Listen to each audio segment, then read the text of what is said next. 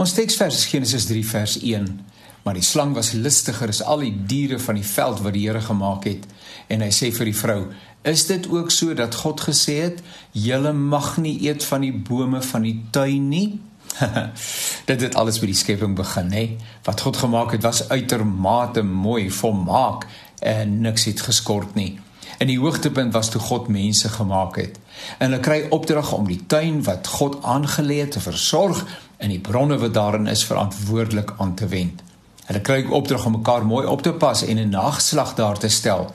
Ook daarin is 'n merkwaardige gawe weggelê. Die omvattende gawe van menslike belewenis word betrek. Liggaamlikheid wat op 'n besondere wyse betrek word. Die vreugde van intimiteit, dan die vrug van die liefde, 'n baba, 'n nageslag, 2 word 3 word 4 word 8, die mensheid kry beslag. God maak die mens egter met die vermoë om keuses te maak. Dit demonstreer net hoeveel vertroue God in sy handewerk gehad het. Hy het die keuse om beelddraers te maak, maar is so te bedraad dat hulle opdragte slaafs uitvoer. Maar dit stel God nie tevrede nie.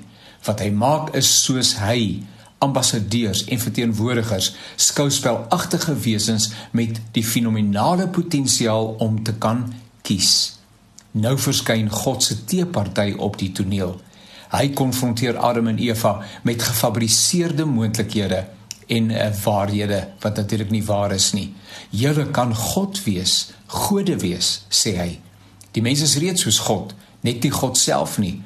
God bedoel dit nie opreg met julle nie, sê hy. Hy wil julle van jou hele potensiaal ontneem.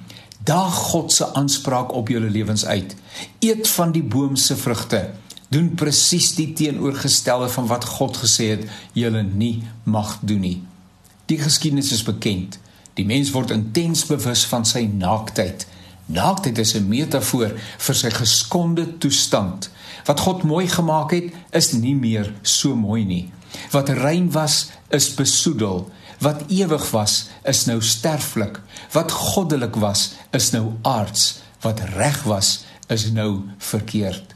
Mag God dank dat hy die mens nie in sy ellende laat nie. Reeds daar het God se teeparty uh, natuurlik sy vonnis gekry. Sy gewraakte misleiding word openbaar. Die belofte van die Messias koning word rigbaar. In die volheid van die tyd sal God sy seun stuur om hierdie toedrag van sake om te keer en God se oorspronklike bedoeling met die mens te herstel. Eeue later sterf die seun van God, self God, aan 'n kruishout om die gebeure in die paradys ongedaan te maak. Die mens in sy eertydse glorie te herstel. Vreemdelinge word weer kinders. Wie ver was van wie die sonde kom weer naby en sondaars word heiliges, seuns en dogters van God. Jou naam is geskryf in die boek van die lewe en van die lam. Vier jou verlossing vandag. Sing 'n loflied. Steek 'n kers aan Wees opgewonde, die dood, die ewige dood, 'n toekoms sonder God, het sy greep op jou lewe verloor. Vier vandag jou verlossing.